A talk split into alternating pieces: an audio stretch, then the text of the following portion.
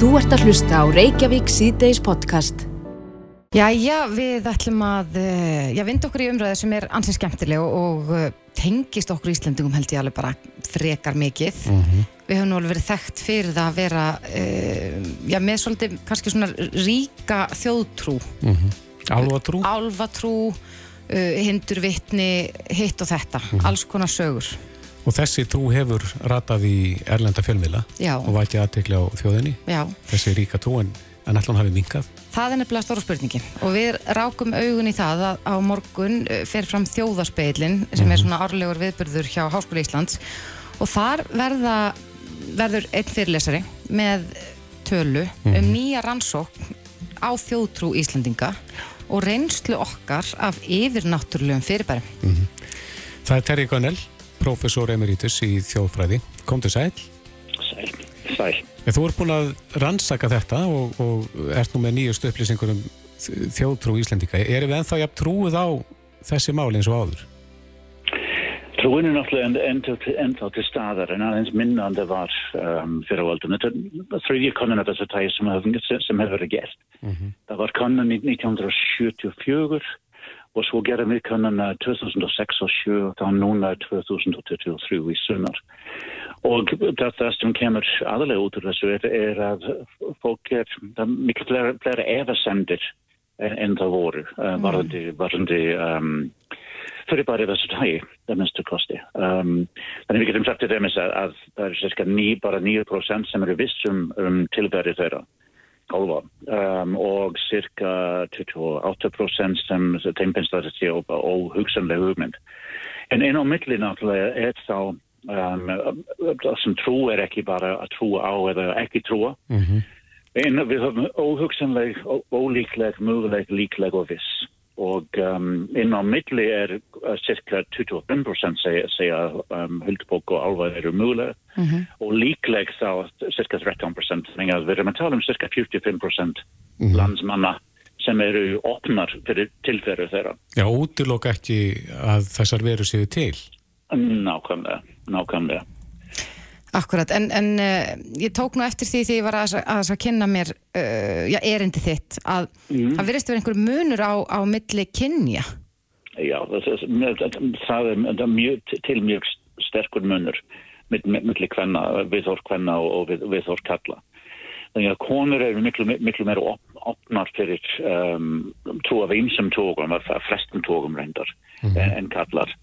Og við vitum ekki hvort að sé, sé vegna þess að, að konur eru um, næmari en, en kallar eða að sé einhvers konar sjálfsmynd kalla að, að, að þeim finnst þetta bara smá sissi hugmynd að segja frá því að trúa álfum og, og fyrir bara þessu tægi en þeir eru uh, aftur á móti eru kallmenn og, og, og um, miklu meira opinn fyrir, uh, fyrir bara eins og fljúandi fyrirluta já. um, sem, sem kannski tækni, tæknimál eða eitthvað svona.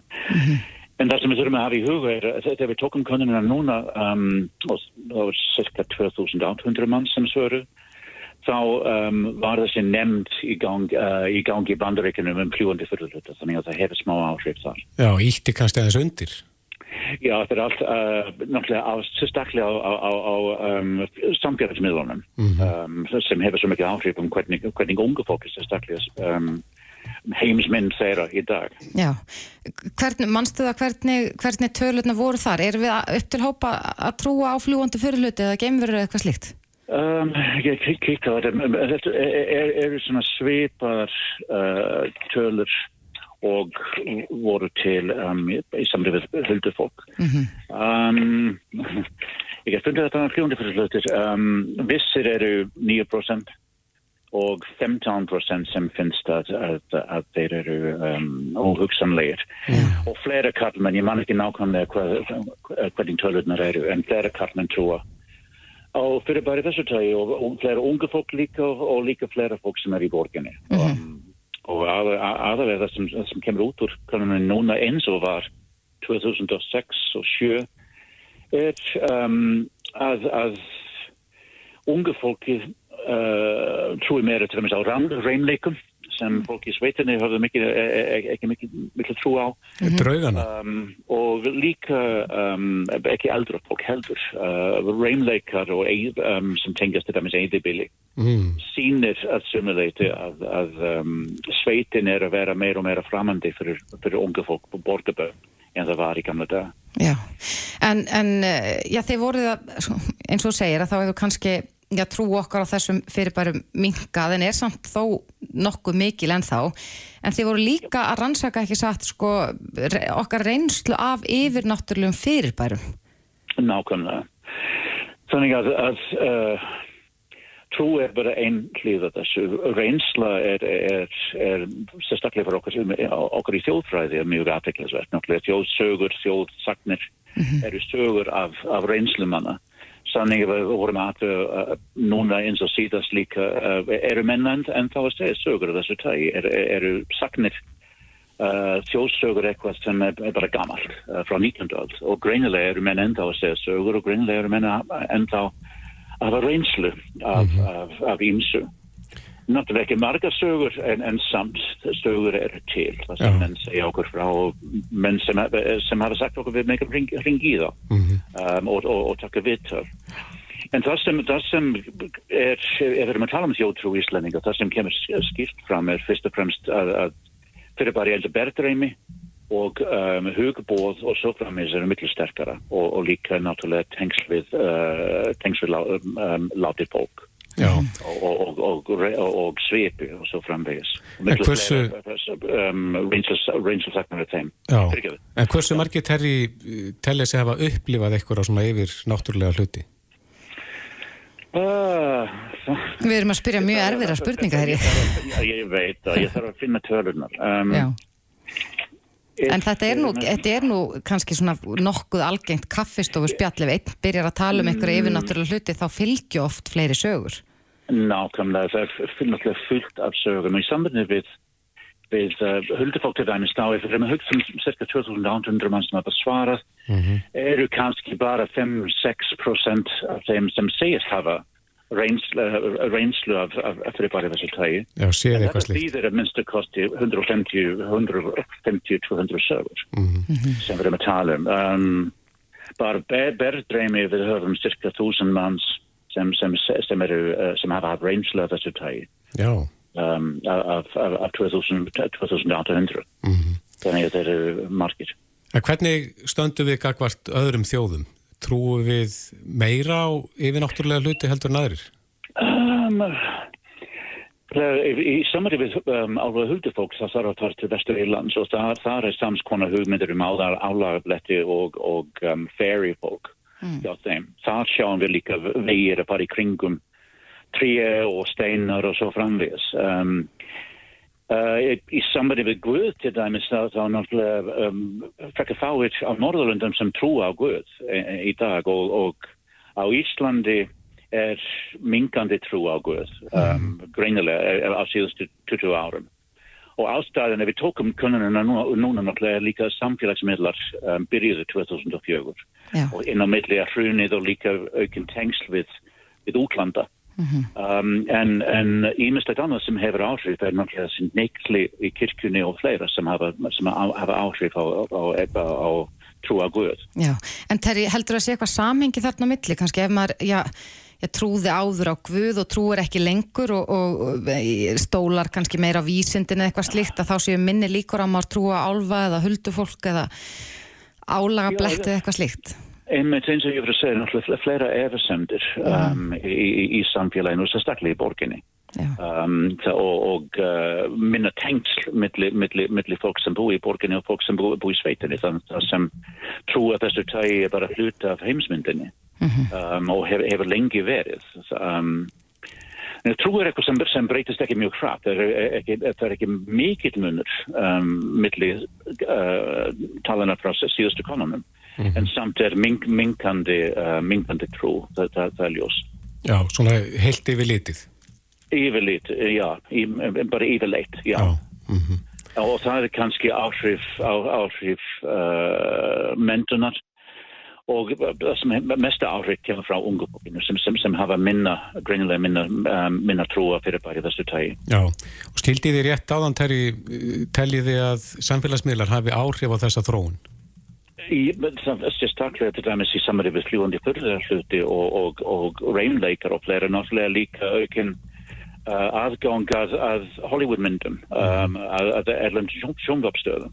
Þannig að það hefur allt áhrif. En uh, annars náttúrulega sem við þurfum að, kanna næst, kannski næstu kynnslóð af þjóðfræðingum eru samsæriskenningar um, sem, sem er náttúrulega út um allt mm -hmm. í mhm. dag og, og er, er líka þjóðtrú þegar maður verður að hugsa með það. Já. Og ekki síst það sem stjórnmánumenn eru að, sumi stjórnmánumenn, populistar, eru að rýfa uh, nýður sannleikan og, og búa til öðruvísu sannleika fyrir, um, fyrir fólk. Já. Hefur þú verið að rannsaka... Símundin hafa, hafa heilmikið áhrif. Já, en hefur þú verið að rannsaka þessar samsæriskenningar og þá sem að aðhyllast þær? Þetta er náttúrulega næstu kynslu og ég er bara úr gaman. Já, við þurfum að finna einhvern, einhvern góðan til að ræða setna við okkur um þær, enda aðtiklisvert að spá þetta. Ná, en Terri Gönnel, professor emeritus í þjóðfræði við Háskóri Íslands, bara góð, uh, góða skemmtun og gott gengi á morgun á þjóðarspeiklunum og kæra þakki fyrir þetta. Takk, takk, takk. Þú ert að hlusta á Reykjavík C-Days podcast. Áfram höldum við Reykjavík C-Days í gær, fengum við til okkar konu sem er eigin kona fanga sem situr á Littlarhönni. Já. Og, og um, lísti svona sinni reynsla á því að heimsækja eigimann sinn með ung börn með sér og uh, sagði að staðna væri ekki upp á marga físka. Nei, hún talaði um að, að uh, þetta væri hreinlega óbáðlegar aðstæður fyrir börn sem er að heimsækja fólkdrar sinni í fangelsi mm -hmm og hann eh, formaður afstöðu, Guðmundur Ingi Þóratsson tók undir þá og talaði nú bara um að þetta væri við, væri viðbjóðslegt, þetta barnakot eins og það er kallað. Akkurat. Guðrún Hafsnæsdóttir, dónsmálar á þeirra komið til okkar, velkomin. Já, takk fyrir. Já, það er vel engi staði til að reyna að bæta úr þessari aðstöðu þarna en, en lítið gengið í því. Já, það hefur kannski lítið gengið í því fram að þessu. Ég vil nú kannski byrja á því að, að taka undir orð þessa aðstæðnenda sem var í viðtali hjá ykkur í gær að þetta eru ömurlegar aðstæður sem að börnum og fjölskyldufólki fanga hefur verið bóðið upp á mm -hmm. og uh, það var líka hlut að því að uh, þegar að ég kom í það ennbætti sem ég er í núna og heimsótti fangelsinn á Íslandi og heimsótti Littlarhaun núna snemmi haust að þá uh, brá mér mjög við ekki bara er þetta eh, aðstæður fyrir heimsóknir og börn og aðstandendur heldur líka fangið sér allt sjálft og það var ástæðan fyrir því að ég tók ákvörðinu það að við erum að fara að byggja nýtt fangelsi. Við erum að fara að byggja nýtt fangelsi frá grunni sem hefur ekki verið gert áður og þar eru við að horfa til þess að bæta aðbúna fanga bæta aðbúnastarsmanna og líka aðstandenda og heimsoknar aðstöðina. En þarf ekki að vinna það hraðar þetta með aðstöðu fyrir börnin? Jú, og þess vegna vil ég einmitt fá að taka það fram að það er búið að setja núna upp bráðabyrða aðstöðu fyrir almennar heimsokni til fanga og svo aðstæða var tekinni nótkunn í þessari viku, í upphæðu þessari viku og ég veit ekki annað en að, mælist vel fyrir allavega eh, frá fangilsmála yfirvöldum og starfsmunum enn sem komið er e, síðan eru við að leggja loka hönd á bráðabera aðstöð fyrir alla stóðþjónustu í fangilsinu, fyrir sérfræðinga fyrir sálfræðingan og geðheilsu teimin sem þarna starfa og lækna og aðra, aðra. svo aðstafa hefur verið algjörlega óbóðuleg sömuleiðis og uh, heilsugjæslu hérna aðstæðan og svo framvegis og það, við erum að fara að taka þá uh, aðstöðu í nótkunn bara núna á næstu dögum en að menn hafa verið síðustu vikur að vinna hörðum höndum að því. Þetta er gáma húsnaði sem er búið að koma fyrir á lóð fangilsins við Littlarhaun og e, það, þó að við vitum það að gámar séu kannski í einhverju tilfellum og flestu tilfellum bráðabyrða húsnæði þá er mhm. þetta mun betri aðstæða aðstæða heldur en er í núvarandi byggingu. Nú hef ég ekki séð þessa gáma aðstöð en hún er mitt kvartað undan einhverjum gámum sem eru notað til þess að, að e, undir slíka fundi E, það hefur verið þannig gámur e, svona gámahúsnaði sem er heimsóknar aðstæða mm -hmm. og hún er ekki nóg góð og hún er of lítil e, Er sem sagt verið að bæta úr því núna þessa dagana? Já, við erum að bæta úr því og, og, og við munum uh, vera með þarna tvö hísi til heimsóknar sem eru svona færanlega reyningar og uh, það er hagkvæm og góðlust á meðan við erum að byggja fangelsið. Mm -hmm. og ég legg mjög mikla áherslu á það núna í mínu ráðaniti að við reynum að vinna það verkefni rætt og vel. En uh, ég gerir ráð fyrir að þessi tvö hísi sem við erum að koma upp núna þau verið til viðbútar heimsókn hísi að þau verið tilbúin á næstu vikum eða ég vil bara strax á nýju ári mm -hmm. og þá mun þessi aðstæða vera komin í svona viðunandi horf þanga til að við getum hérna hafið starfsemi í nýju fangilsi. Hvena verður það ef allt uh, gengur á óskum? Það mun taka nokkur ár. Að ég gerir áfyrir að það eh, bygginga tíminn frá því við byrjum að það verður öll að þrjú til fimm ári eða eitthvað svo leis mm -hmm. og uh, þannig að en við erum núna að uh, starfshópur um byggingu fangilsisins, hann hefur hafið störf og það er verið að kanna núna bara hva, hvernig byggingu, hvað þarfir þurfum við að hafa í huga e, og hvernig byggingin á þá að vera. Og síðan förum við í hönnun en e, við munum leita til nákvæmna þjóðokkar sem hafa verið að byggja fangesi bæði normin, svíjar og danir og hvernig þeir hafa verið að gera það mm -hmm. og hvort að við getum svona kannski flýtt svolítið okkar skrefum mm -hmm. með því að leita í já að við ætlum ekki alltaf að fara yfir lækin mm -hmm. til að ná í vatn heldur kannski að geta stuðst við það sem að uh, gengur vel í löndunum í kringum okkur. Ja. Við munum sömulegis horfa til Holmseðar sem er E, já, tiltölega nýtt fangelsi mm -hmm. en það hefur, hefur mikið verið rætt um það að, að það eru sennilega bygglistar eftir að komast í fangelsi og að, að fólk býði jafnvel árum saman eftir að fá að afplána. Mun þetta leysa þann vanda? Verður þetta nægilega stort fangelsi til þess að ja, gringa á þessum bygglistum Það verður ekki mikið starra heldur en litlarhönn er í dag. Við erum að horfa til þess að nýtt fangelsi verði 80 til 100 manna fangelsi. Eh, það, eh, litlarhraun er svona í kringum 8-10 mm -hmm. það verður eitthvað örlíti starra en ég hef líka verið að leggja áherslu á það í mínum störfum að ég vil sjá okkur í þessu málaflokki að við horfum sér meira til um, opina úrraða úrraða eins og við erum með á kvíabryggju og sogni sem eru mun ódyrari mm -hmm. í rekstri heldur en svona stort öryggisfangelsi og uh, við vitum það að endur koma fanga, endur komið tíni fanga er uh, sem sagt lægri ef það uh, fangar hafa fengið að afplána í, í opnu fangi sem ekki lokuðu. Mm -hmm. Þannig að við þurfum að hugsa þetta kerfi uh, svolítið uh, frá grunni og ég er sömulegis að hefja vinnu við það að endur skoða lögum fullnustu og, og það hefur ekki verið gert í langa tíma. Mm -hmm. þannig að við líka sem þjóð við þurfum að horfa á það hvernig viljum við að þessi málaflokku sé? Hvernig viljum við að fullnusta e, dóma e, hvernig e, því er við komið? Og en það verður alltaf að vera líka við þurfum að hafa mannréttindi í, í forgrunni mm -hmm. og við höfum fengið e, aðtóðasemdir frá alþjóðlegum eftirlitstofnunum varðandi eins og litlarhenn í dag mm -hmm. og, og mér, að mínum að þetta er það ekki til bara algjörlega óasettalegt. Já. Yfir Þannig að við ætlum að byggja nútímalegt og gott fangilsi. Já, gott að heyra. Yfir í önnu mál, þú ert að, og hefur sagt frá því að þú ert að koma nýjum lauruglulögum í gegnum þingið sem að þeir verið ekki tekist alveg náðu vel. Nei. Ég, Hva, hvaða, hvaða lög eru það eða hverju þarf að breyta? Þetta eru uh, lögreglu lög og ég legði þau í samráðskátt stjórnvalda í gær, mm -hmm.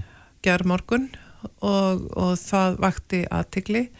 Þetta er endurflutt frumvarp frá síðasta þingi mm -hmm. sem að fyrir rennari minn hafði e, lagt fram og það náði ekki fram að ganga. Mætti ákveðni mótspyrnu þar? Mætti ákveðni mótspyrnu. Ég verð hins vegar að segja að e, fyrst að svo fór að ég er nú svo mikið políana í mér að þá ætla ég bara að vera þakklátt fyrir það vegna þess að e, málið e, það var í meðförum þingsins á síðasta þingi og e, við höfum tekið tillit til þeirra aðtöðasemda sem þar komið fram og, og þannig að frumvarpið það, e, það er með þeim breytingum við höfum tókun tillit til e, aðtöðasemdan eins og ég saði Af hverju er brínt að, að koma þessu tjá? Hvað er hver er bætingin? Sko, markmið þessa frumvars er að skýra heimildi lauruglu til afbróta varna og þannig er það nú að nú er ég komin í nýtt hlutverk í mínu lífi mm -hmm. og mín ábyrg sem domsmálar á þeirra að fara að tryggja lögjastli landinu sé stakk búin til að takast á við floknar áskoranir breytar áherslur í breytum heimi. Við getum, uh, uh, sko, við getum í rauninni ekki borið saman löggjæslustörf í dag eins og þau voru fyrir 20 eða 25 árum mm -hmm. e, bara eðli glæpa og, og, og bara okkar daglega líf hefur breyst með þeim hætti að í hverju einasta máli sem að lauruglan fara að borð til sín í dag þá er gríðalegt magn til dæmis að stafrænum gognum, það þarf að fara í gegnum alla síma, það þarf að fara í gegnum tölvu og hugbúnað, tölvupost og annað. Þannig að þetta er til dæmis e, verklag sem að lauruglan þurfti ekki að vera að sinna fyrir e, 15-20 árum allavega ekki í einsmiklu mæli. Þetta er að hluta til tilkomi vegna skipulega glæpastarsemi. Mm -hmm. e, skipulega glæpastarsemi verðir engin landamæri og uh, þetta frumvarp ég er að leggja það fyrst og síðast til þess að uh, skýra heimildi lauruglu til gagna öflunar, til gagna vinslu og svo til gagna miðlunar og þegar ég segi gagna miðlunar og gagna öflunar þá er það líka yfir landamæri. Það sem átt hefur verið kallað fórvirkar rannsóknar heimildir, er það ekki? Þetta eru ábróta varnir. Mm -hmm.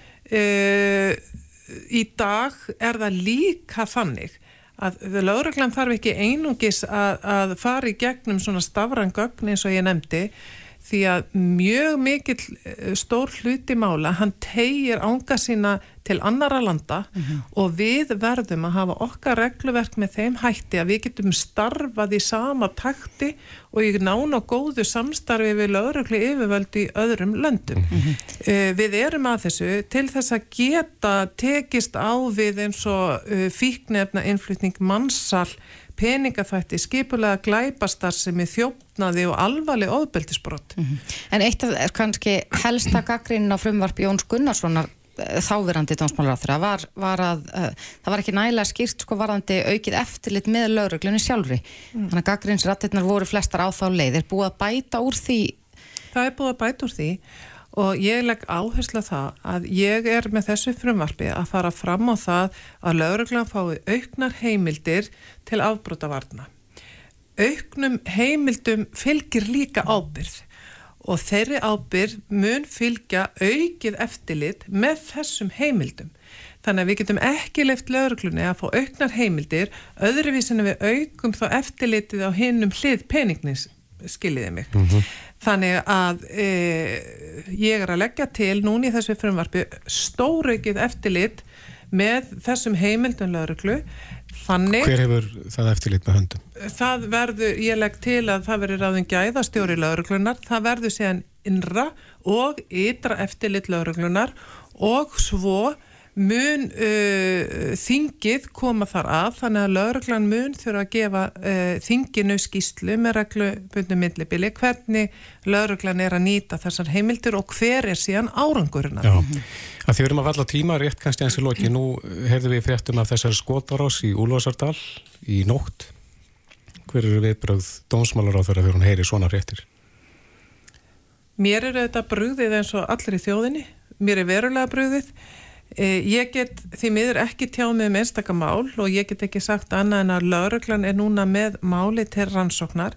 Ég ætla samt sem á þeirra að endur taka því orð að mín ábyrg sem dómsmálar á þeirra er að tryggja að, að, að það öryggi borgarna og löggæsla í landinu sé góð og hún sé virk og ég er meðal annars að því með því að leggja fram þetta lauruglu frumvarp Lauruglan hefur ítrekka bent á það að samfélag okkar er að verða hættulegra.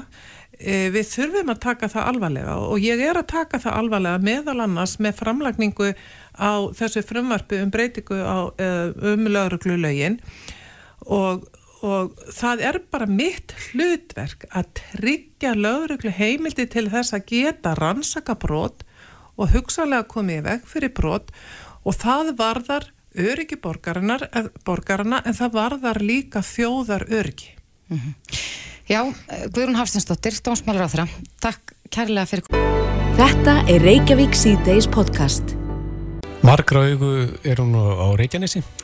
Já, þar skelfur enn, ég var náttúrulega að vera rosalast niður og er búin að fletta upp svona fjöldanum af Stoppum. skjáltum mm. ég var ekki alveg nóg fljótt en, en uh, það eru allir okkar helstu sérfræðingar að fylgjast vel með mm -hmm. Og uh, já, við erum kannski farin bara að vera vön þessu eða hvað Já, búast að þess að það, það er kvika á ferðinni mm -hmm. við erum það í samtali við náttúruvarsérfræðing hjá viðstofun í gær -hmm. En ég veit að það eru margir íbúar á þessu svæði sem að treysta á bæði ramagn og eh, heitt og kallt vatn. Já. En spurningin er, og það sem margir velta fyrir sér, hvað er að það verið róf á þessum tveimur þáttum, ramagni og vatni? Já, til hvað ráða sko fólk getur gripið þá. Mm -hmm. Við heyrðum því nú flegt fram í gæra að ef að heita vatni myndi nú dett út að þá geti fólk uh, farið að kynnta heimili sín með ramagsopnum og einhverju mm -hmm. slíku en, en Já, það er spurning hvort að það dugir til ef að heilt bæjarfélag er undir. Já. Páll Erland, fórstöri HS Veitna, er á línu, kom til sæl. Sælverði.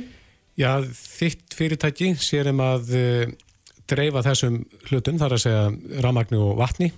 Er, eru þið tilbúin í, í dekstu sviðsmyndina? Já, neyðar stjórn Háas Veitna hefur verið virkuð og, og við höfum verið núna síðustu daga alltaf á því að svona þessi þessi hérna þessar jarðhæfingar jökust núna aftur mm -hmm. erum í miklum samskiptum við almannavarnir og, og Háas Orku og aðra og sveitafélagin og aðra hérna á, á svæðinu þannig að það er allir í viðbrast stöðu Já. Þessu hlutverk Háas Veitna er að dreifa einmitt ramagni og, og kvöldu vatni og heitu vatni til íbúa mm -hmm. meðan sérni í þjættbílinu á öllum suðunisum og vegna aðstæðna að þá erum við núna einblýna á uh, atbörd einmitt þarna nálagt uh, svartingi þann sem að við fáum í rauninni allt heita vatni og kalda vatni mm -hmm. og, og, og rafmagnir í grunninn hérna þó að það komi líka frá Reykjanesvirkjun og yfir suðunisja línu þannig að við erum kannski aðeins betur sett hvað það varðar. En það hefur mikið verið rætt um varaleiðir, eh, sérstaklega kannski fyrir rafmagnið. Er eitthvað slíkt í, í bóðið er verið að undibúa e eitthvað slíkt? Já, það er hérna í undibúninginu þegar og meðal hans okkar mannskapur að vinna því að gera hérna kerfin klár, sérstaklega í Grindavík til að taka svona varaafl sem að eru þá bara færanlega vila sem eru settar á svæðið og, og hérna og við höfum tryggt uh, hérna aðgengja þeim á landsniti sem að áslíkar vilar mm -hmm. og, og einmitt er það að nýta þær uh, í öðrum sveitafélagum sem að hafa þurft á að halda. Hvað eru þær hérna vilar stórar? Hvað er hægt að vanna stóru svæði með, með slíku varaafli? Já, ef við, ef við horfum á Grindavík sem eins og ég segja mest útsett uh, fyrir, fyrir hérna rammarsleysi sem ekki sé hægt að leysa öðruvísi en með svona vélum mm. þá eru til þess að nógu stórar og nógu margar vélar til þess að anna svona núverandi rammarsnótkun í Grindavík. Akkurat. En uh, ég, ætla, ég saði það nú hérna áðan, ég ætla að vera búin að fletta upp hversu, hversu mikil skjáltavirknin hefur verið og, og sé það hér að þetta er um 400 skjáltar sem hafa mælst síðan um, um, á miðnetti og, og þetta er sífælt að aukast. Hefur fólk verið að hafa samband við ykkur með, já, hafandi áhyggjur af þessu, af því hvað gæti gerst? Já, já. E, eðlilega, þetta er afskafla óþægileg staða fyrir þá sem að sérstaklega búa næst upptökunum. Við erum auðvitað mjög miklu vön hér eins og á Suðunissum, síðustu áriðin reynlega og, og hérna til dæmis aðlöfnir sem að eru með orkuðinu, bæði Háis Orka og, og Háis Veitur, eru náttúrulega með fólk 24-7 klukkutíma sólarheng á árinu uh, með fólk á vakt og, og hefur gegnum tíman þess að breyðast í einsum uppákomum vegna járskjálta eða, eða ramarsliðs í spilunum á síðunni sér línu og ímislegt þannig að okkar fólk er, er hérna vel sjálfað og, og í viðbrastöðu mm -hmm. en, en þetta er náttúrulega svona þessi svartasta sviðsmynd að þú spurur um hana á þann að, að, að þá er hún ekkert annað en bara, bara gríða miklar náttúrulega hamfarir Já Ef að vatnið dettur út, hva, hvað er þá í bóði? Það sem að eh, viðbráðsáðum að gera ráð fyrir er sem sagt að við tölum um kaldavatni það er að þá verði leitað í, í vassból sem að eru uh, við sveitafélagin og, og hérna uh, það, þau virkjuð mm -hmm. það tekur auðvitað alltaf einhver tíma stæsta áfallið væri ef að heita vatnið úr sagt, hérna virkjuninni kæm ekki Þá var í kyndingin farin vantarlega á þessu sveiði? Þá er kyndingin farin á öllum sveiðnæsum, já. já Já Og hvað gera með þá? Þá er náttúrulega bara spurning svona hvaða aðstæður er á svæðinu hvort þið er og hversu hvort að í stað rýming og annars slikt bara vegna uh, góðsættunar og, og hérna annara þáttar sem að henni stafar mm -hmm. en, en, en uh, og þá í raunin eru við bara komin að þá stiga að almannavarnir sko taka yfir. Já. Staðsetningin á, á þessari skjáltavirkni núna hún er frábröðin þeirri sem við séð áður. Er þetta já, innan gæsalappa óheppilegri staðsetning hvað ykkur varðar? Er það má orða það svo þegar um eldgóðsæðaræða Já, í, í öllum viðbrastafðarunum og það ekki þannig að margt sem getur gert bæðið á þessu svæði og annars þar á Íslandi að, að hérna að þá eru mjög margar og mismunandi sviðsmyndir uppi en, en þetta er vissulega eh, versta sviðsmyndin að að góðs komið upp svona nálagt virkuninni í sattengi. Mm -hmm. Og þeir að fara að hittir það ekki íbúan á þessu svæði? Er ekki íbúafundur í, í dag? Jú, það passar. Fólk er eðlilega bara áhyggjufullt og mm. vil fá upplýsingar og, og við mætum á svæði til þess að, að, að bara greina frá stöðinni eins og svona blasir við. Já, akkurat. Við býðum bara átækta og vonum að þetta fara allt saman á besta veg. Pál Erland, fóstjóri HS Veitna. Kæra þakki fyrir spjallið. Takk sem að liðs. Þetta er Reykjavík C-Days podcast. En það er frétt sem að byrtist inn á vísi.ri sem morgun. Fjórðungur umsækjandum yðnám fær sinjun. Mm -hmm. Við hefum nú reynda rætt yðnámið áður og þörfin á því að menta fleiri yðnámen. Já, Þetta er auðvitað, sko, við, eins og við segjum, við höfum rætt þetta hér áður og mm. núna í byrjun síðasta mánar fyrir mánuði síðan að þá var nú sagt frá því að, að lang flestir af stærsta hlutvallar nefndum sem voru að innritast í framhaldsskóla núna í haust mm. hófu nám við tekniskólan og það lítur að segja okkur, við höfum rætt áður við, við hérna, skólamestara tekniskólans að, að mhm. já, eftirspurnin eftir því að komast tangað og læra yðingreinar mm. er alltaf aukast en það er ekki nægilega gott ef að, ef að eh, ef það komast ekki allir að sem vilja. Nei, það hefur verið lögð meira áherslu á það og svona eh, krokkum hefur verið ítt í þessa átt meira. Sigurður Hannesson, frangotastjóri samtaka einarins er komið til okkar. Velkomin Takk fyrir. Ja, Hvernig lítið þið hjá samtökum einarins á, á þetta mál og, og hversu margir fá sinjun? Þetta er auðvitað óásættanleg staða og við sjáum það að sko að það eru núna 52.000 manns sem að starfa í yðnað á Íslandi og þeim hefur fjölgað um 14.000 núna á, á síðustu árum mm -hmm. þannig að það er gríðarleg eftirspurn eftir yðnmentuðu fólki Er skortur? Það er skortur, já og hann byrtist meðal hans í því að það þarf þá að, að sko flytjinn fólk elendis frá mm -hmm. og þetta getur líka hægt á uppbyggingu og, og svo framvegs og, og yðnmenta fólk er náttúrulega í, í fjö, starfa í fjölmörgum og kannski öllum greinum yðnar þetta hefur mikil áhrif og sko fyrir nokkrum árum síðan að þá var vandamálið það kannski, þú veist, ef við förum tíu ára áttur í tíman, að það var ekki næg aðsókn að náminu mm -hmm.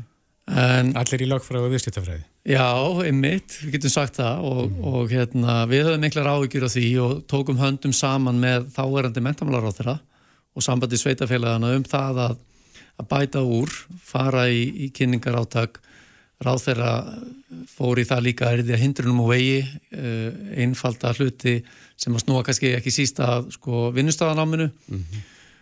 þannig að auðvelda nefnum og komast á samning og svo framvegis.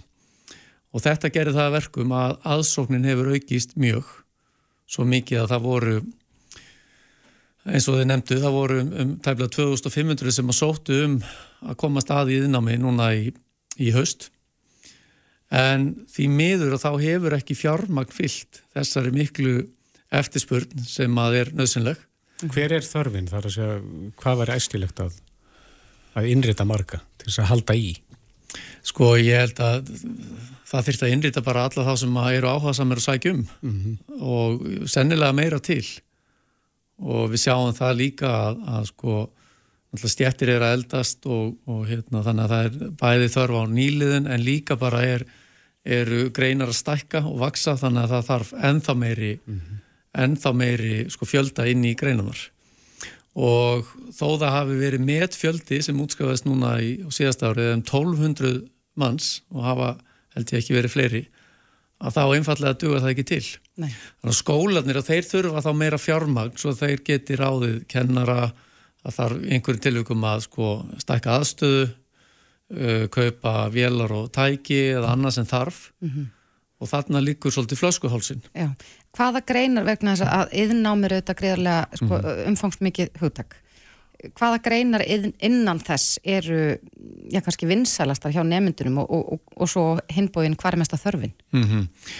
Svona í fljótubræði þá sínist manni eins og byggingargreinar vera mjög vinsælar og það er líka talsvert af umsóknum sem er hafnað, e, málmiðingreinar, sömuleiðis e, og fleira. Þannig að þetta er svo sem bara heilt yfir. Og almennt séð hefur aðsóknin verið að aukast mikið, þannig líka eins og snirtifræði, hárgreisla hönnun og, og fleira. Þannig að það er rauninni mjög margt að undir. Og þetta er mjög hagnýtt nám sem að sko opnar fjölmarkar dýr eins og við höfum rætt á síðust árum og, og fólk er farið að þekka mjög vel. Mm -hmm.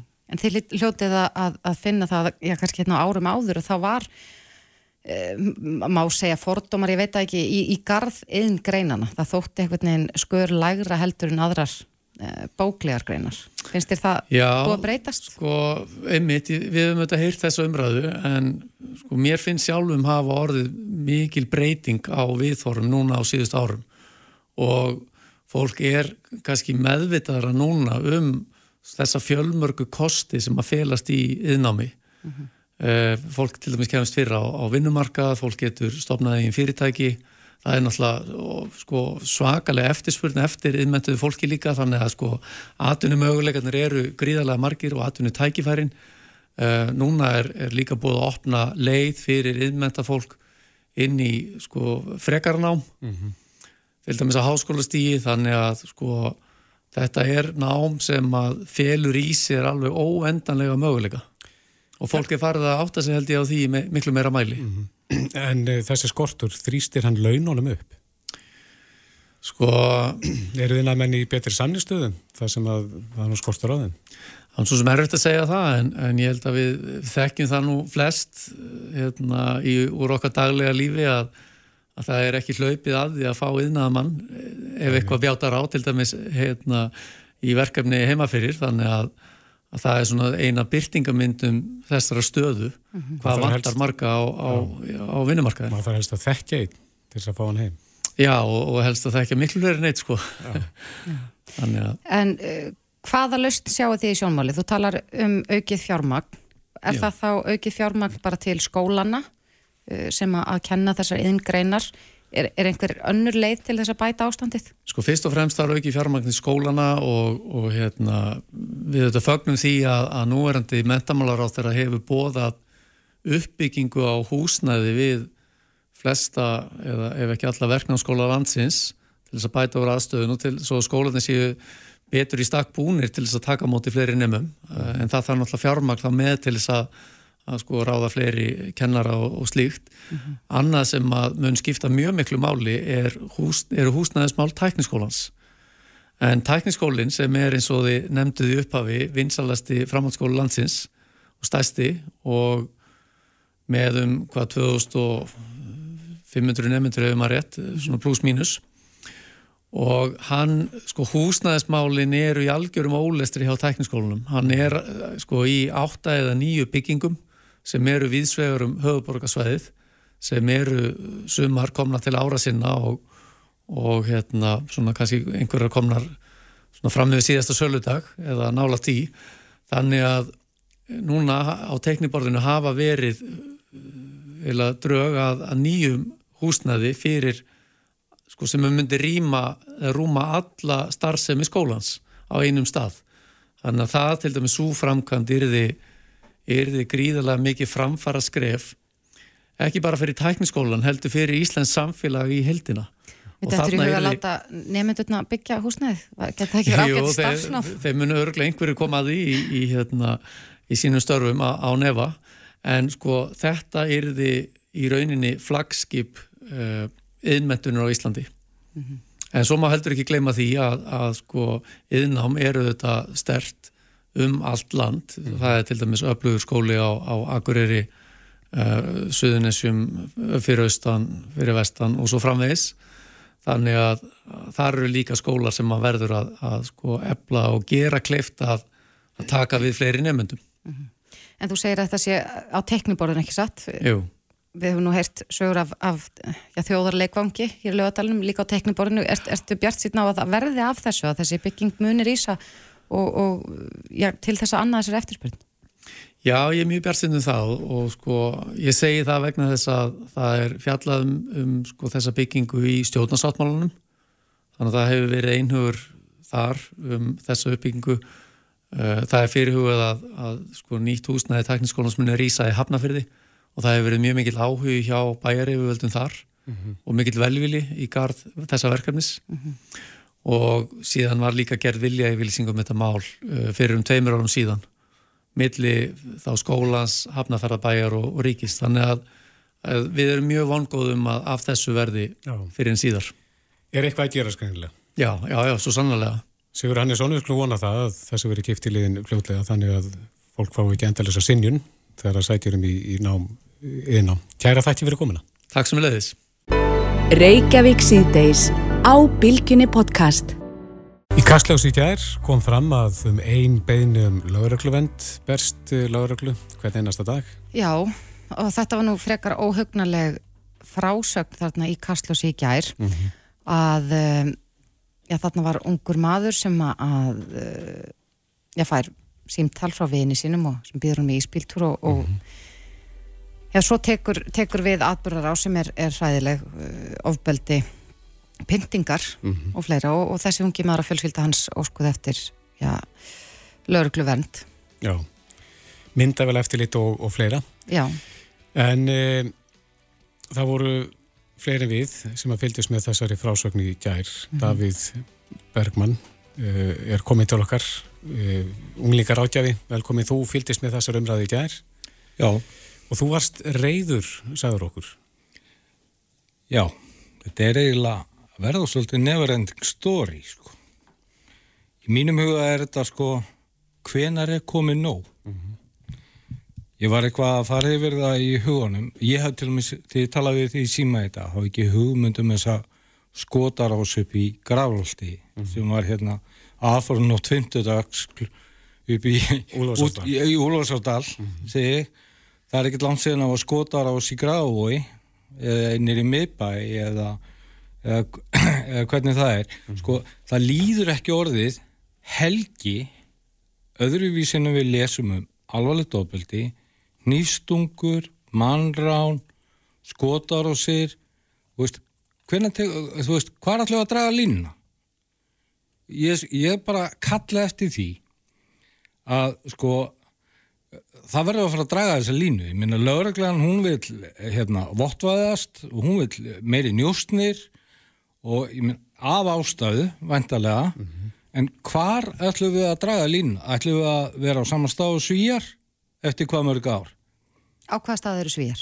Svíjar eru náttúrulega bara á hræðilum stað svíjar eru er að díla við eins og við veitum skotar og sér yfir næstu í ég held að þessu nála 300 skotar á sér á þessu ári, sprengjur og eitthvað svona bull. Já, Þú segir að þetta séu daglega frettir, ég bara fletti inn og upp að það er nú alltaf hérna, dagbók lauruglunar eftir hverja helgi Já. og hér er bara um síðustu helgi þrjár líkams árasur undir morgun Já. þrjár konur slóust og hrækt í andlit laurugluþjóns Egu að vennjast því að þetta séu daglega frettir? Nei, við höfum ekki vennjast Nú, nú spyr ég bara hvar ætlum við að draga línu? Mm -hmm. Hvar vilt þú draga línuna?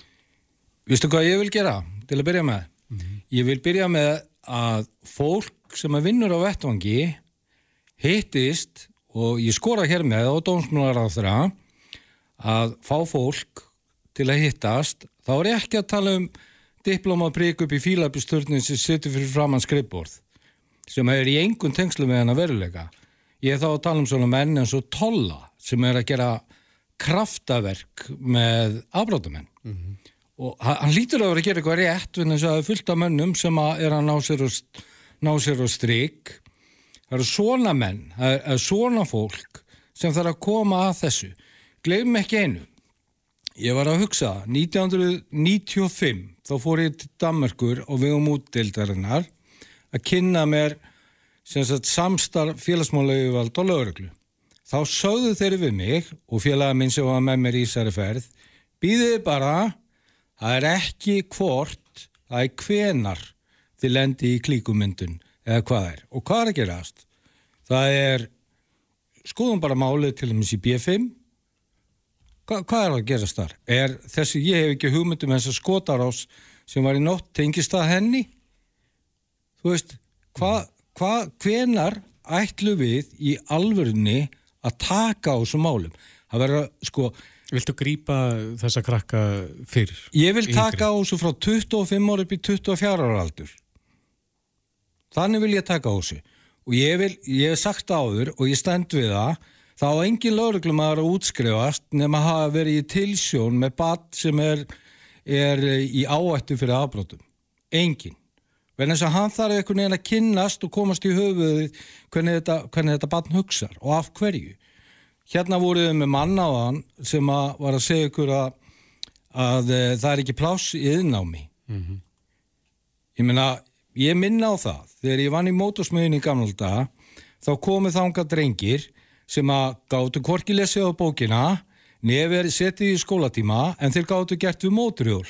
Og sumir af þeim eru bifilöverkjar, aðrir eru afvirkjar og hafa bara náð sér og stryk og nýtið þjóðfællastæknar. Þannig ég skora hér með á, dómsmálar á þeirra, að fara að setja saman hóp eða gera eins og Björn Bjarnarsson gerir tilrönd til að halda rástefnu með lögmönnum og dómurum þar sem við fyrir að draga einhverja nýja nálgun í þessum málum. En því miður, ég gleymi því aldrei, en þegar ég, ég og Gretar Haldásson, vinnu minn á stöðlum, fórum að heimsóttu Björn og hann sett á staði þessar ástefnu sem var ætlu lögmönnum og dómurum, hann mætti ekki eitt lögmaður og ekki eitt dómari. Þannig að áhugin var ekki meirinn þetta. En núna er veruleikin núna allt annar heldur en fyrir sko 20-25 áru síðan. Það eru 30 ár, það eru 30 ár í apríl síðan ég byrjaði að vinna í þessu og við erum enþá með sömu sama oljuskipið henn hérna út á Rúmsjó með brotna skrúu sem er að stefna stefnulegst í einhverja tóma vittlisu núna þarf bara, nú þurfum við bara að vakna þetta er, og ég, ég nenn ekki að standa lengur upp á kókassa og garga með hásan. Vakniði bara. Það er bara, það er, það er málið. Mm. Davíð, er, ertu búin að tegja því átt til dómsmálar á það? Ég er búin að því. Og bara síðast í dag ég sendi honum bref ég, sko ég er ég, sko, ég er með þess að díla við það. Ég er með unga menn sem eru á flókta undan handrukkurum sem get ekki eins og verið heima hjá sér. Og þeir eru sko þeir eru á flókta við erum að tala um unga menn undir sko réttum tvítugt þessi veruleiki sem við erum að bú, búum við í dag í þessum afbróta heimi, hann er alveg drulluharður og það er engin miskun í þessu heimi mm -hmm. og við vitum að það eru óbjóðefni og það er alls konar efni í gangi og þú veist það verður að fara að taka þessu á okkur festu, ekki að þessu sumi lundkinn sem við hefum gert í gernum árin Hvenar, hvenar þarf að grýpa þessa einstaklinga? Hvað, hversu gamla? Sko eins og ég nefndi hérna á hann ég, ég er þeirra skoðunar að lauruglumæður á ekki útskrifast nema að vera í tilsjón með svona gaur sem að eða stúlku sem er að að feta sinna á afbrótabraut. Hvað þýðir það að vera með í tilsjón? Tilsjón er eins og Púk Politíus undásklub sem við kynntist út í Danmarku. Þar voru svona gæjar sem að voru byrjaðar að feta sinna á afbrótabraut með því að tilera glæpagengjum. Og það sem lögreglan gerði þar að þeir fóru með á hittu þá vikulega, þeir fóru gerði eitthvað skemmtilegt með þeim þeir kortum á, á körjubolti eða hvað það var, eitthvað félagslegt til þess að tengja þá. Það er tilsjón. Það er að gera þetta á alla við ég hef ekki neina barbapappa löst hins vegar þurfum við sem erum á þessu vettangi að fara að hittast og tala saman. Ég satt í nefnd 1999 sem að Þorsti Pálsson skipaði. Ég gleymi þessu aldrei. Það kom ekkert út af þessu nefnd. Þetta voru meira minna einhverjir aðstofumenn ráð þeirra einhverjir úr ráðuneytunum fólk sem var í engum engum einustu tengslum við þennan veruleika. Ekki svoleiðis nefnd. Heldur fólk sem að veit og hefur og jafnvel kynstu svo einn skinni mm -hmm. séð þann inni Hefur þér eitthvað tíma bóðið að taka þátt í einhvers konar nefndum eða starfsópum í tengslu um þessi málumni? Það var 1999. Ekkert síðan þá? Ekkert síðan þá og ég meina, hvað sem er ég eða eitthvað annar, þá er það bara þannig að sko það er ekki hægt. Það er ekki, það er ekki hægt að láta hlutina einhvern veginn fara stefnulust því að þá endur við eins og svíjarnir og þetta var ákveður það sem Danittin sögðu við minn 90 og hvort það var 95 eða 96, ég maður ekki mm -hmm. Er við komin út úr öllu korti núna svona með við fréttaflutning síðustu viku mánuður ár? Ég meina, þú veist, er þetta eðlilegt? Ég, ég spyr mig, er þetta eðlilegt? Helgi eftir helgi við erum 400.000 træður við búum á eigi út í Ballarhafi getum við ekki gert betur en þetta? í afbrótaforvarnum og afbrótaforvarnir í mínum huga eru ekki rafbusur eða njóstnir. Afbrótaforvarnir er eitthvað sem heitir að vinna með ungmönum áður að kemur þessu. Styrkjað innám, byrjum þar. Styrkjum innám, alvöru. Skoðum hluti eins og, og fjölsmiðna sem ég er að vinna og ég tekka fram, ég er ekki á vegum hennar hérna í þessu vitali. Skoðu í fjölsmiðna skoðum, þau verða tilera með einhverju mæti mm -hmm. og gleymum ekki því að það er alltaf þannig að sko að tilera er sterkast í þátturinn í afbrótaheiminum. Það verður bara um upphefð að sitja inni fyrir klíkuna. Þú fara ákveðna viðkynningu fyrir það. Og afbrótamenn taka þá sem yngri eru undir sinn vendavæng og það heiti líka tilsjón. Þannig við þurfum að mæta þessu að fullri hörku þá er ég ekki að tala um að ég er ekki, vill ekki refsuvöndin endilega upp, en það þarf að fara eitthvað milliveg. Mm -hmm. Já, það er spurning hvort að, að hlusta verði á þig og þá sem að hafa tala fyrir þessu, Daví, Bergman Davísson. Kæra þakki fyrir komuna. Ég þakka fyrir mig.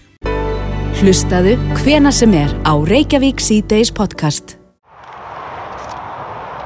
En svo umhverjusljóðin bera með sér að þá erum við í nánd við umferðaræð hér í Reykjavík í útkvarfi í Reykjavíkur. Uh, Ólaur Guðmundsson sem að gegnum tíðina hefur oft lagt okkur lið þegar, þegar veðrabriðin verða þannig að menn þurfa að huga alvarlega að aukutækjanum en uh, það sem maður heyrir hér í umferðinni Ólaur Guðmundsson er uh, leiðir hugan að því eru allir á nöglum?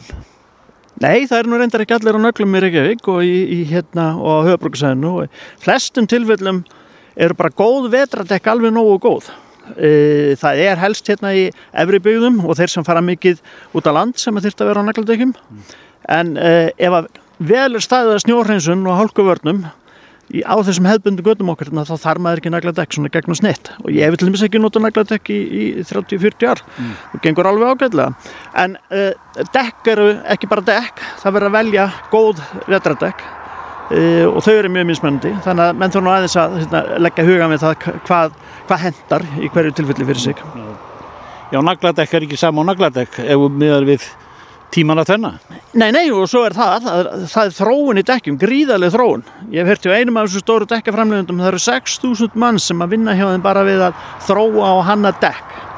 og nagladekk í dag er ekki þetta sama og nagladekk fyrir tíu árum síðan þetta eru miklu færri naglar í hverju dekki þeir eru dreifðari um dekkin sem að minkar þá háaðan frá þeim þetta eru léttari naglar úr öðrum efnum og í sumum tilfellum dragast þeir inn þeirra hlínar þannig að, hérna, að þeir eru ekki skemma eins en En e, þetta náttúrulega hangi saman, dekkin annars vegar naglarnir og síðan malbyggið og gæðin á malbygginu, hvað malbyggið slitna mikið og e, mér hefur verið bent á að ég bara tekið eftir í að, að vegir sem voru malbyggar í sumar eða ja, í fyrra, mm. tala um í sumar, þeir ekki voru nagladekk, að það er að bera hjólfæramyndum í, í því malbyggi líka, þannig að við getum ekki kent nöglunum um allt en þeir eiga sitt, mm. klárlega. En uh, þrið eru nöðsynleg, það, það eru bröða því að það sé nógu kyrfilega frá því gengin því að það hefur áhrif þegar það kemur að hálkumyndun. Já, bæði hálkumyndun og svæðið mikið rík á, á göttum, þá verða göttunum sleipari og síðan náttúrulega sínilegin eins og núna, nú er sólinn mjög látt á, á loftið þannig að hérna, ég lendi því bara í gæra, maður var í vandrað með að sjá umferðina bara fyrir, fyrir sólin, sólinni og þá ríkinu, þannig að þá mingar sjónsviði í gegnum ríkið mm. þannig að, að þrif klárlega er stórpartur af því og bara í göttunni hérna sem við stöndum við þá sjáum við það að það er engi kantsteinar að þessari göttu og bara svona drullu salli sikkur megin við og þegar stóri bíla koma fram hjá þá þyrlast þetta allt saman upp og, og verður bara skí á eftir bílunum mm -hmm. Þegar þú horfir, þú nú haft afskipti af, af umferðamálum all lengi, mælt, mælt í árum áratugum eh, er höfuborgin er hún í takt við tíman þegar það kemur að, að umferða mannverki. Ég veit að það kostar sitt, sundabröðin er ekki kominn og, og margt fleira sem að e, margt sem að dvelur ormin langa en, en, en e, hvað hefur um það að segja? Erum við sæmilega hvað hefur að segja, nútímalegir í þessu?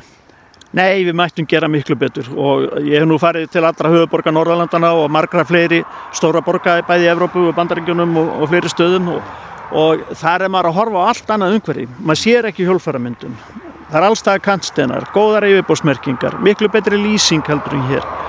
Þú serð ekki hólur eins og eru í, í, í slillæginu hérna í, á höfbruksæðinu og í Reykjavík og hólumyndunin hér er aðalega út af bæði liðlegur efnum og malbyggir og kaltir aðalagt það er á þund, undirbyggingin er ekki nógu góð. E, þetta sér maður ekki annars þar mm. Eh, þú ert að bera saman uh, borgir eða þjettbíli á, norrlægum slóðum. Mm -hmm. Ég er að gera það. Og síðan hitt kannski að það er að við nýtum ekki tæknin eins. Nú er allir bíla meira og minna konum með leiðsögukerfi og það er að senda upplýsingar í leiðsögukerfin og er gert erðendis og kannski aðeins að byrja núna hjá vegagerðinni að maður sér hvað er vegavinna ef það er út með leiðsögukerfi í bílnum í gangi uh, og tæknivæðingin í kringum umferð og bíla er svo gríðarleg og er að breyta svo, svo mikið og Og kannski er rétt að nefna það, í næstu viku verður rástefna einmitt hérna The Future of Transportation hérna á Hotel Nordica í, Reykja, í, í Reykjavík á þrjúðdægin. Mm. Það sem er að koma erlendi sérfræðingur og, og, hérna, og fræð okkur um það hvernig aðrar, aðra borgi gera þetta. Mm. Er þetta að tala um að, að, að kerfið í bílun getur gefið þér upplýsingar um að að innan uh, eh, 10 km þá ertu komin inn í annað veður, annur axturskilir þig og þú færð að vita sagt, frá bílum sjálfum að, að þú sérst að aka inn í kallt svæði. Já, já, bæði það og það er bara, þetta er orði virt núna þess að hérna í Reykjavík, þú færð að sjá umferðarteppunar. Það vegna þess að leiðsögukerfin í nútíma bíl sendir upplýsingar upp í gerfinhut sem fer til Evrópu og unnið úr því þar og sendt aftur tilbaka þannig að þú ser teppurnar þegar það er að myndast það verður fyrst, ef að vegurinn er leið þá er hann græn, hann breytist yfir í guld þegar það fyrir að hæja á mm. þegar það eru konar teppur að þá færðu bara rauða línur meðfram veginum þar sem þú ert að kera mm. og uh, ef ég slæg inn í leðsögukerfi í bílinu hjá mér hérna að ég ætla að fara til Akureyrar eða Selfossi eitthvað slúðis þá get ég fengið að sjá bæði veðrið á leiðinni, veðrið á áfangastað þetta kemur allt saman viðurspána mm. og síðan fæ ég líka allstar það sem eru lokanir, vegavinna eða annað eða þeim dúr, ef þú verður í Evrópu ef þú verður slís þá er, setur lauraglæna strax inn tilkynningum slís á þessum við hinu veginn og þá fyrir þessukerfið automatist að reyna að beina umfriðinu framhjá þessum slísta mm. sama við um vegavinni, ég veit í Nóra er það þannig að, að þegar að Uh, hérna verktakandi mæta á staðin til þess að vinna eitthvað við göttuna þá setja það bara inn í app í símanum ég er að fara að byrja hér þú veist og þá fyrir það í leysu í kerfinu og öllum bílunum sem nálgast annar stað. Þannig að þeir fá viðvörum við því að þeir sé komin á vegavinnusvæði kemur á skjáin letur eða er, er kannski þulur, þú egur alltaf hratt, þú ert í hálku og svo framviðis og framviðis. Já, það er, eru rattir í sem leysa við kerfum en það er kannski er ekki að varaði við og kerfa hratt þó í sumum bílum þá gerist það þannig að um leið og þú fer að aka hraðar heldur en leiðilegur hamarsæð þá fyrir að blikja mælabörnum á bílnum að, að þú sitt komin á, á hraða en ég hef heyrt talað um það að menn að setja það inn í bíluna þegar annarkort variði harkalega við að þú sitt að akka hratt eða ég vil bara koma í veg fyrir það og getra. Tæknin er komin Þetta er bara spurningu um það hvernig við viljum nýta hana og, hérna, og það er fullt annað sem er komið líka eins og bara bílastæði. Ég veit í Oslo er það þannig að ef þú setur inn eitthvað teimilsong þar sem þú ætlar að fara á, þá kemur að leysuvíkerfið hvað er næsta lausa bílastæði sem næst þessum stað. Og þú drukkaði fyrir það í, í gegn að leysuvíkerfið líka. En við vitum að þó að þetta sé tilkomið, jáfnvel á norrlæðum slóðum eins og Íslanda þá, þá eigum við nú langt í land mistakosti að sumuleiti með bílaflottan okkar eh, bæði aldur hans og, og, eh, og svo gengur þetta kannski hægar fyrir sig. Þetta þykir okkur mörgum mjög dýrt.